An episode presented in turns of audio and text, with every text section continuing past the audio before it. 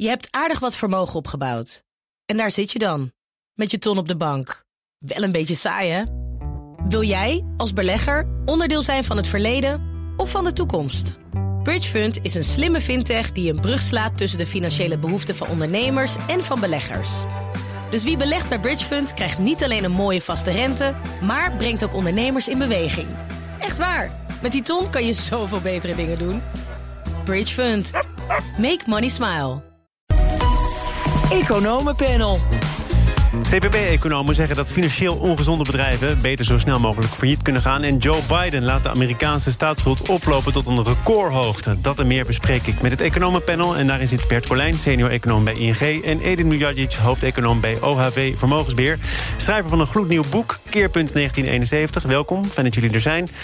En Edin, ik had jou ook graag een televisieoptreden gegund. Het blijft bij radio, maar je moet toch even aangeven wat jij vandaag uh, aan hebt. En dan bedoel ik niet je hele garderobe, maar om jouw arm zit een wit lint. Klopt. Uh, op 31 mei 1992 uh, kregen uh, de mensen in mijn regio van Bosnië-Herzegovina te horen dat zodra ze naar buiten gingen, ze een witte soort gele jodenster, maar dan moderne versie. Uh, moesten hebben. En uh, sindsdien uh, herdenken wij dat elk jaar op 31 mei. door inderdaad net zo rond te lopen als destijds. In de hoop dat niemand dat ooit ook waar dan ook in de wereld mee, mee zal maken.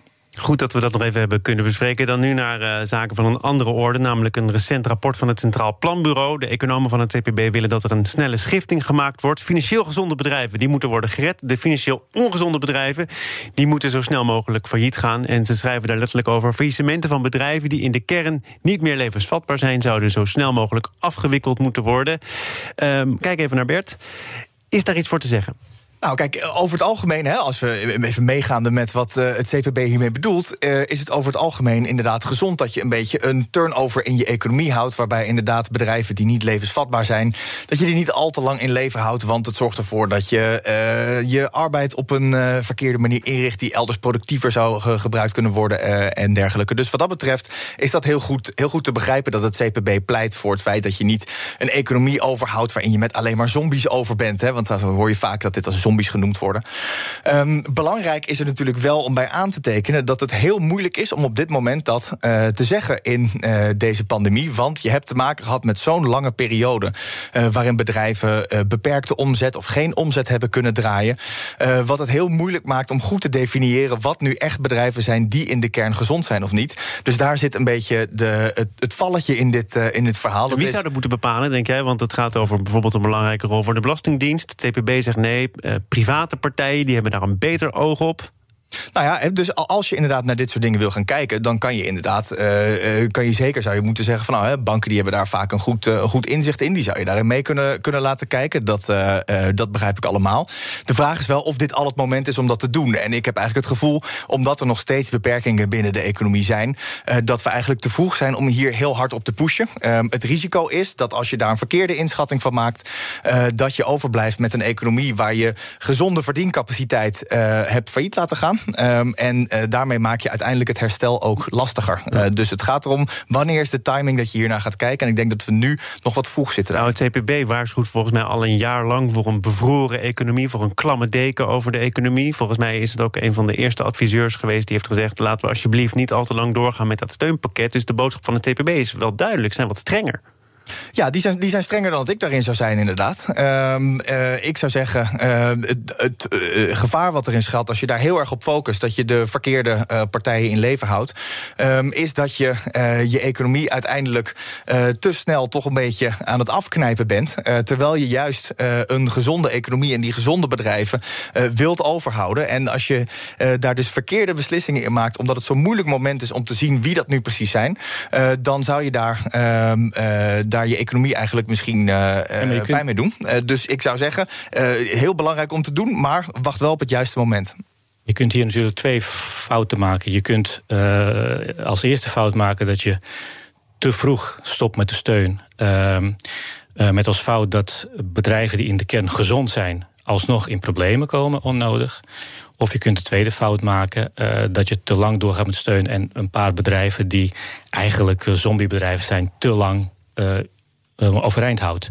Ehm, gegeven de economische situatie, gegeven het feit dat we niet weten hoe, hoe een economie herstelt na zo'n mondiale pandemie, uh, zou, zou ik voorstander zijn van liever de tweede fout maken dan de eerste fout. Better safe than sorry dus. Ja, ja. En ik denk dat je Wat er iets over te zeggen, want, want Bert schetst het beeld van een economie die uh, min of meer gestoeld is op zombiebedrijven. Maar volgens mij, ING heeft het wel eens uitgezocht, toch? Het gaat om uh, maar een beperkt aantal bedrijven waarvan je echt kunt zeggen, die zijn dan in leven gehouden door de overheidssteun. Eh, nee, ja, volgens mij. Hè, dus het, het, gaat uiteindelijk. Volgens nog lijkt het erom dat het een vrij beperkt probleem is waar het om gaat. En daarom zou ik dus inderdaad bij de keuzes die Eden schetst. Dat zijn volgens mij de juiste. Zou ik ook zeggen. Uh, ik, liever dat je de fout maakt. Dat je een paar bedrijven langer in leven houdt. die anders al om zouden zijn gevallen. dan dat je de fout maakt dat je een aantal gezonde bedrijven. de, hierdoor te vroeg eigenlijk van de, van de steun afhaalt. En laten we niet vergeten, kijk, het hele land is opgelucht nu. Want we horen steeds meer dat, dat, dat straks van alles nog wat kan. We kunnen weer op vakantie, economie herstelt. Maak geen fout. Heel veel, voor heel veel uh, ondernemers geldt dat niet. Zij zitten nog steeds met zorgen over hoe snel gaat het herstel. Uh, in hoeverre is de consument structureel anders geworden door die pandemie.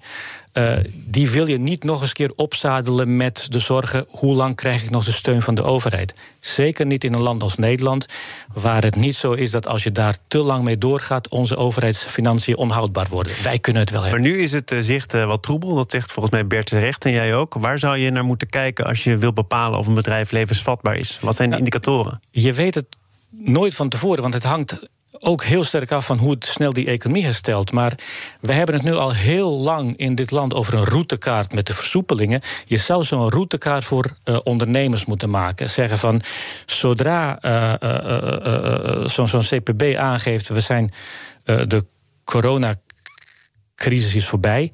We gaan in loop van een jaar daarna de steun langzaam maar zeker afbouwen, zodat die ondernemer er rekening mee kan houden en, zich kan, en hij kan anticiperen op wat er komen gaat. Je ja, maar niet het CPB zegt volgens mij juist dat die anticipatie, hè, het echt meebewegen met economische trends, dat dat heel erg lang te lang niet heeft kunnen gebeuren. Dat is een economie die zich normaal gesproken altijd aanpast, nu is blijven stilstaan. En dat dat een groot risico is.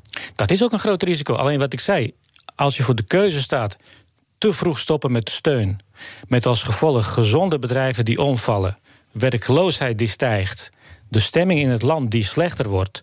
Of de keuze is te lang doorgaan met de steun, met als uh, gevaar enkele bedrijven die eigenlijk geen uh, bestaansreden hebben overeind houden, dan liever nummer twee. Want het herstellen van die tweede fout is veel makkelijker en goedkoper dan herstellen van de eerste fout. Belangrijke factor is hoe bedrijven om mogen gaan met hun schuld.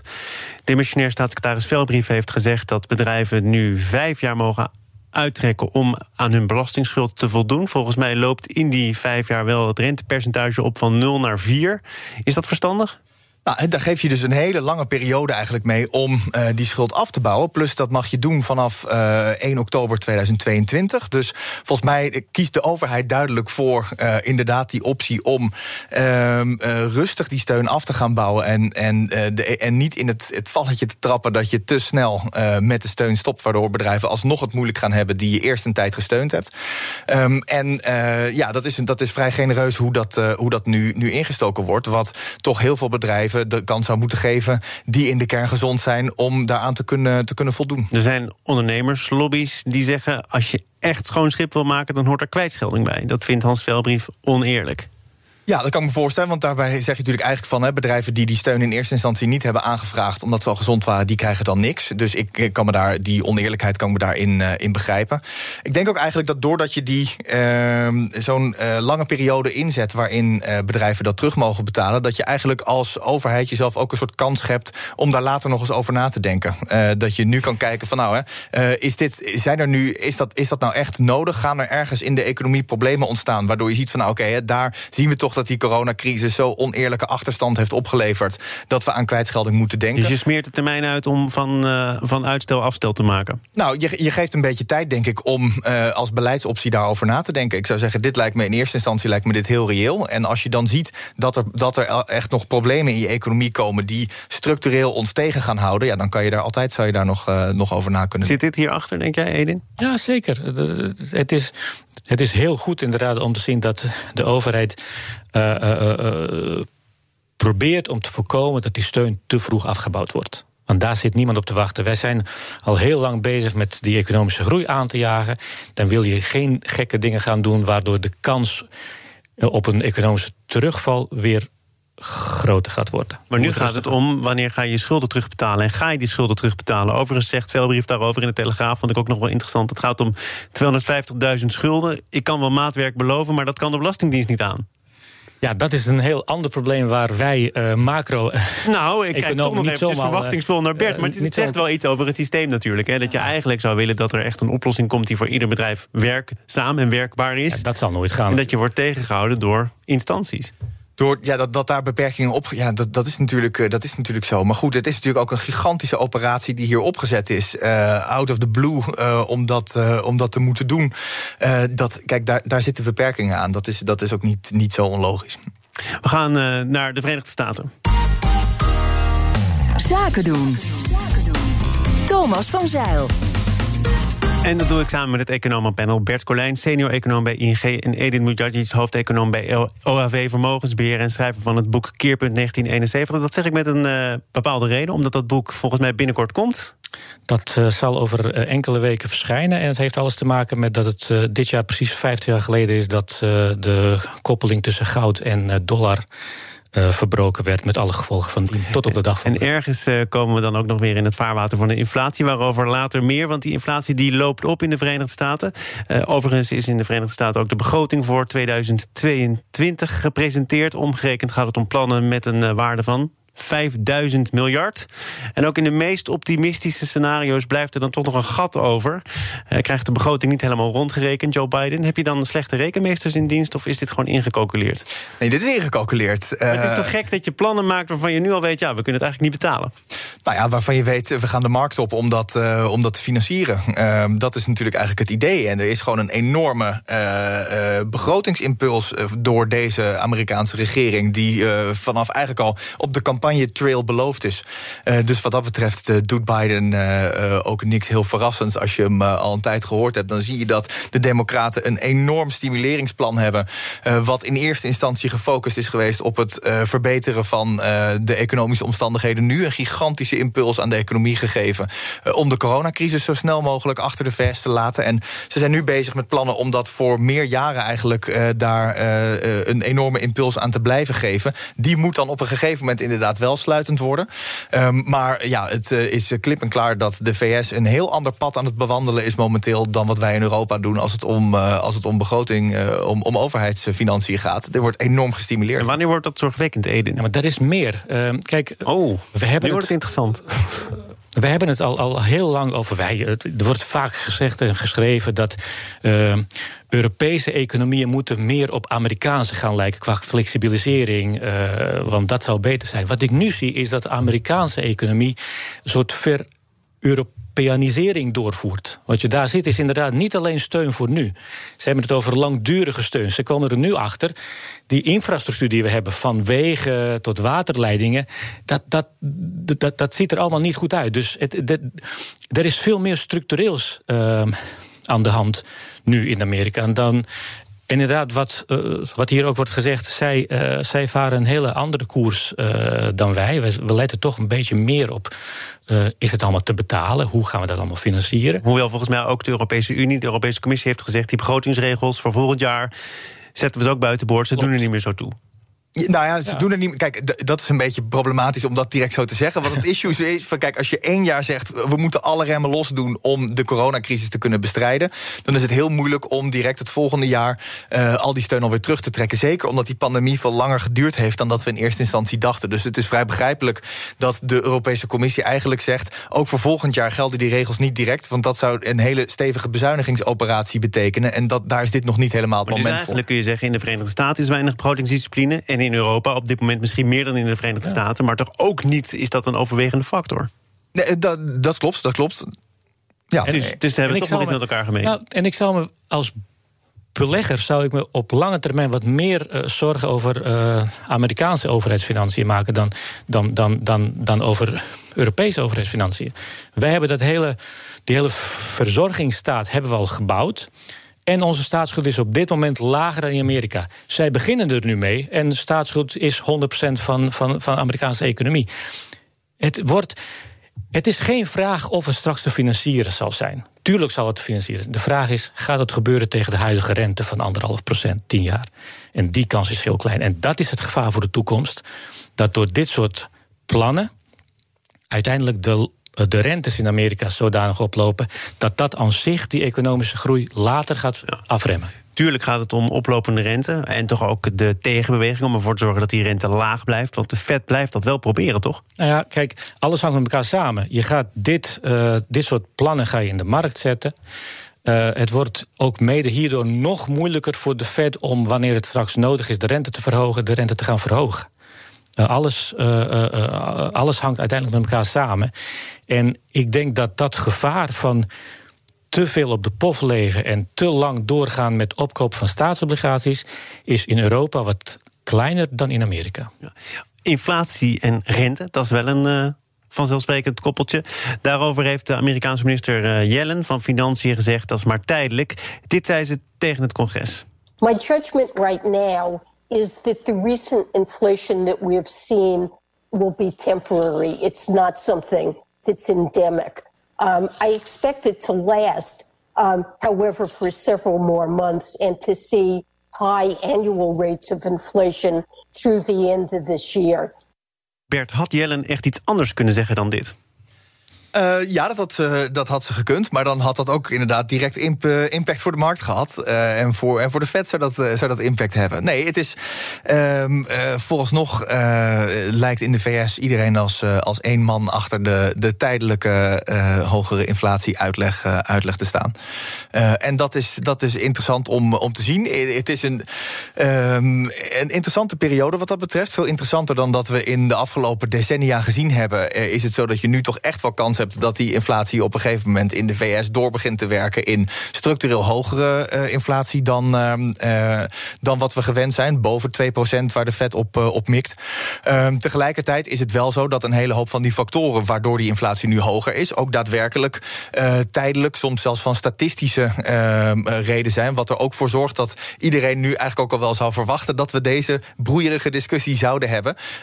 En ja, het lijkt er wel op dat volgend jaar de inflatie ook in de VS wel weer wat lager zal liggen dan nu. Maar het risico op structureel hogere inflatie is, is wat hoger. Maar dat betekent dus dat de Fed vooralsnog op zijn handen kan blijven zitten. Ja, zeker. Uh, en dat zie je soms aan hele kleine dingen die ogenschijnlijk niet zo heel belangrijk zijn. Uh, de Fed herhaalt nu al uh, enige tijd dat ze. Uh, de rente gaan veranderen op basis van daadwerkelijke uitkomsten van inflatie bijvoorbeeld. Nou, tot nu toe, afgelopen 30, 40, 50 jaar, was het beleid van centrale banken, wij, wat we nu doen, hangt af van de voorspellingen die we maken voor de komende jaren. Als je nu zegt, nee, we wachten totdat we de harde cijfers hebben, dan zit daar per definitie ingesloten de belofte in. Komende één of twee jaar doen wij gewoon niks. Want we moeten wachten tot die harde cijfers er beschikbaar zijn. Nou, inflatie over 2022 heb je niet in 2021. Wiskundig Daar is uh, geen spel tussen te krijgen. We gaan tot slot naar een onderwerp iets dichter bij huis... maar het heeft betrekking op de hele wereld. Namelijk uh, grondstoffenschaarste. De prijzen die Nederlandse industriebedrijven betalen... voor hun producten zijn in een jaartijd met bijna 12% gestegen. Uh, wat is de belangrijkste verklaring, Bert? Eigenlijk twee dingen. Aan de, eerste kant, aan de ene kant zien we dat uh, uh, grondstoffenproducenten na de eerste golf van corona, uh, dus midden vorig jaar ergens, eigenlijk besloten hebben om af te schalen in productie. Omdat zij verwachten dat de historische economische krimp ook met een historische daling aan vraag zou komen. En de tweede is, dat laatste is niet gebeurd. want voor goederen hebben we natuurlijk gezien dat omdat mensen niet op vakantie konden, niet naar de kroeg konden, dat ze hun geld hebben besteed aan nieuwe spullen. en dat heeft er direct voor gezorgd dat die vraag heel snel terugkwam. Dus er is schaarste in heel veel markten en dat, uh, dat merk je. Ja, ben je bezig met een lijstje of met een artikel waarin al die tekorten nog eens worden aangestipt? Ja, dat ben ik inderdaad. Uh, als het goed is, uh, zijn we daar morgen ongeveer klaar mee. Maar we kunnen alvast wel een beetje de highlights, de spoilers bespreken, Thomas. Dit is je kans. zitten we met elkaar. nee, de, de scoop hier. nee, het gaat voornamelijk in, in Europa. Als je kijkt naar de, naar de prijzen die echt pressing beginnen te worden, de tekorten, dan gaat het eigenlijk voornamelijk om plastics, om semiconductors natuurlijk. Hè, computers, chips. We weten al dat, uh, dat autofabrieken daardoor stil liggen. Uh, en hout uh, merk je heel erg. er is een enorme, enorm tekort aan hout, hogere prijzen. En dat, dat is problematisch. En hoe snel kun je dan je been bijtrekken? Want ik sprak eerder met Jos Verstegen in dit programma over een uitspraak van de topman van Intel. Die zegt: dit gaat nog jaren duren. Want er moet veel komen uit Veldhoven. En het maken van zo'n machine, ook voor ASML, dat kost heel veel tijd. De fabrieken zijn niet, misschien, niet meteen zodanig uitgebreid dat die capaciteit ook meteen inzetbaar is. Dus betekent dat, dat dat we ons voorlopig kunnen opmaken voor een periode van grote tekorten op de genoemde terreinen? Nou, volgens mij verschilt dat erg per terrein. Um, een paar daarvan, uh, dat heeft te maken met uh, kleine ongelukjes en hoge vraag... waarbij zo'n klein ongelukje direct impact heeft. Uh, het weer in Texas, waar het in één keer heel hard voor... wat voor de plasticsmarkt problematisch is. een, een klein kevertje wat in Canada in de bomen zit. nou, dat zijn dingen, die markten, dat, daar, daar lijkt het de, de, volgens, mij, volgens mij vooralsnog niet echt heel structureel te zijn. Dat is meer bij de computerchips, ja. waar de vraag namelijk ook niet alleen op korte termijn... doordat we nu allemaal uh, iets met een chip erin gekocht hebben, uh, maar ook structureel aan het ver, uh, vergroten is. De autosector heeft steeds meer chips nodig, doordat we aan het elektrificeren zijn. we zien dat in heel veel producten natuurlijk. Hè. Alle Internet of Things-achtige dingen, daar komen chips bij kijken. Dus die vraag die is structureel groter aan het worden. En het duurt lang om die capaciteit te vergroten. Dus ik denk dat wat dat betreft die, die blik op de computerchipsmarkt lijkt wel redelijk te kloppen. Edin, nog even tot slot een bazaal lesje economie. Want wanneer kan een bedrijf dit nu makkelijk doorrekenen aan een klant en wanneer niet? Nou, dat heeft uh, bijna alles te maken met uh, uh, hoe sterk je op je markt bent. als je leider op je markt bent, is het veel makkelijker om de kosten die, om de gestegen kosten die je zelf maakt, door te berekenen. Um, en ik denk dat, dat, dat, dat er niet al te veel bedrijven zijn die dat wel kunnen. En dat betekent dat je er als belegger naar moet kijken dat de Kijk, op het moment dat de kosten stijgen en je kunt het niet makkelijk door te berekenen, dan is er wiskundig maar één mogelijkheid waar het vandaan kan komen. Dat is je winst. Uh, dus dan gaat het piepen en kraken. Het betekent dus als ze het allemaal erin slagen om het door te berekenen, dan loopt de inflatie wel op en is het niet tijdelijk iets, waardoor de centrale banken vroeg of, eh, of laat gedwongen worden toch het roer om te gooien. En als de bedrijven en masse het allemaal niet weten door te berekenen, dan gaat het ten koste van de winstgevendheid. Dat kan de aandelenkoersen onder druk zetten, wat voor die centrale banken extra reden zal zijn om nog langer de rente op 0% te houden. Het hele economenpanel samengevat in 23 seconden. Grote klasse. Edin Mujadjic, hoofdeconoom bij OHW Vermogensbeheer. En Bert Colijn, senior-econoom van ING. Morgen dus met een uh, nu al verklapt rapport. Succes met de publicatie. Dankjewel, Thomas. Zometeen het laatste half uur van dit programma. Onder andere over een briljante mislukking. Blijf luisteren. Je hebt aardig wat vermogen opgebouwd. En daar zit je dan. Met je ton op de bank. Wel een beetje saai, hè? Wil jij, als belegger, onderdeel zijn van het verleden of van de toekomst? Bridgefund is een slimme fintech die een brug slaat tussen de financiële behoeften van ondernemers en van beleggers. Dus wie belegt bij Bridgefund krijgt niet alleen een mooie vaste rente, maar brengt ook ondernemers in beweging. Echt waar. Met die ton kan je zoveel betere dingen doen. Bridgefund. Make money smile.